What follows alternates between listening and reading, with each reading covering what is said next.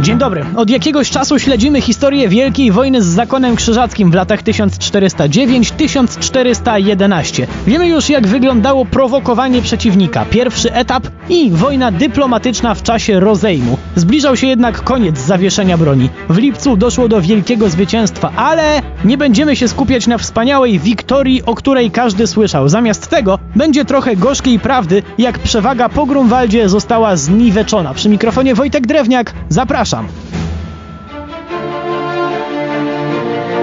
Zwycięstwo pod Grunwaldem było druzgocące. W czasie bitwy zginął sam wielki mistrz, a armia krzyżacka została starta w pył tak niesamowicie, że na europejskich dworach nie dowierzano. Tak wielkie starcia i zwycięstwa się zwyczajnie nie zdarzały. Skala triumfu i zaskoczenia była tak wielka, jakby używając piłkarskiego porównania w finale Ligi Mistrzów spotkały się dwie świetne ekipy, ale zamiast wyrównanej walki jedna ograła drugą 25 do 0. Niestety, o ile dzień po bitwie Jagiełło zachował ostrożność, tak w ciągu kolejnych dni nawet jemu udzieliło się gigantyczne zaskoczenie. Droga na Malbork stała otworem. Malbork, który jeszcze nigdy nie był tak słaby. Na miejscu była tylko szczątkowa, słabo zaopatrzona załoga. Część umocnień była w remoncie. Fatalne warunki do bycia obleganym.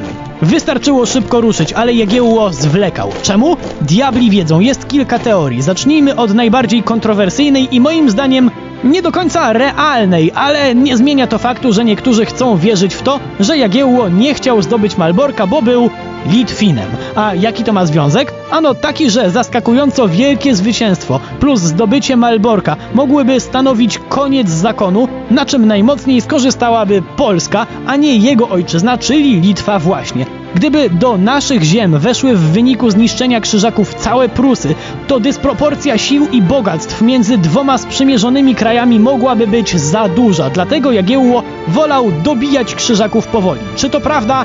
Nigdy się nie dowiemy.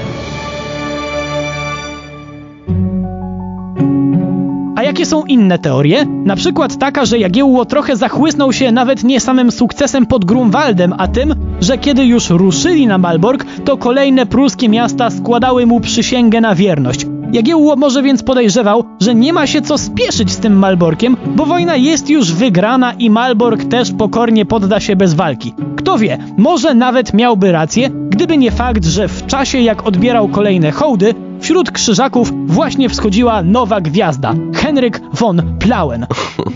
Skromny komtur ze świecia, który, kto wie, być może też zginąłby pod Grunwaldem, gdyby nie fakt, że go tam nie było. Dowodził w tym czasie niewielkim oddziałem w innym miejscu. Teraz jednak, gdy jego towarzysze z wielkim mistrzem na czele polegli, to uznał, że wszystko w jego rękach, zarówno losy zakonu, jak i własna kariera zebrał niedobitki armii krzyżackiej i tą na szybko skleconą ekipą obsadził Malbork. Dodatkowo nakazał spalić pod zamcze. Kiedy Jagiełło dotarł na miejsce, było już za późno, żeby myśleć o łatwym zdobyciu tego molocha. Inna sprawa, że jakoś przesadnie się nie starał.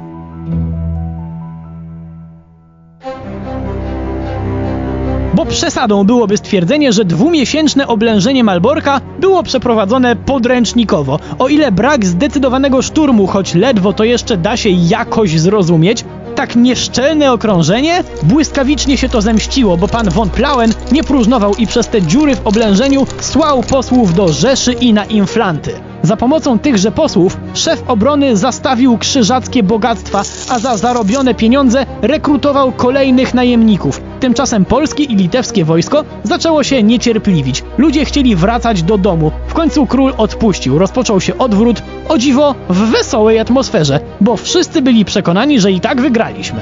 Tymczasem nikt nie zdawał sobie sprawy, ile jeszcze kłopotów sprawią chłopaki w białych płaszczach, a zwycięstwo totalne było bardzo blisko. Według Jana Długosza sam von Plauen, którego później w uznaniu zasług mianowano wielkim mistrzem, miał zwrócić się do Jagiełły takimi słowami. Zdarzały ci, miłościwy królu, nieba i sam los przychylny po trzykroć najszczęśliwszą porę, w której mogłeś zamek malborski z łatwością zdobyć i kraje zakonu krzyżackiego na zawsze opanować. ale nie umiałeś ze sposobności skorzystać. Najpierw, kiedy uprzednika mego, Ulryka, zniosłeś prawie do szczętu, bo gdybyś zaraz, nazajutrz, kilka tylko chorągwi posłał pod zamek malborski, byłby się poddał niezawodnie, małą bowiem i nader słabą miał załogę. Drugi raz po wzięciu miasta Malborka, gdybyś był niebawem uderzył na zamek, albowiem przez wyłom pomiędzy Wisłą a zamkiem zrobiony, mogło twoje wojsko wedrzeć się do zamku.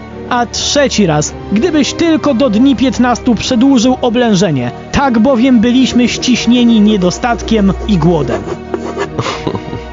Przy mikrofonie był Wojtek Drewniak. Do usłyszenia.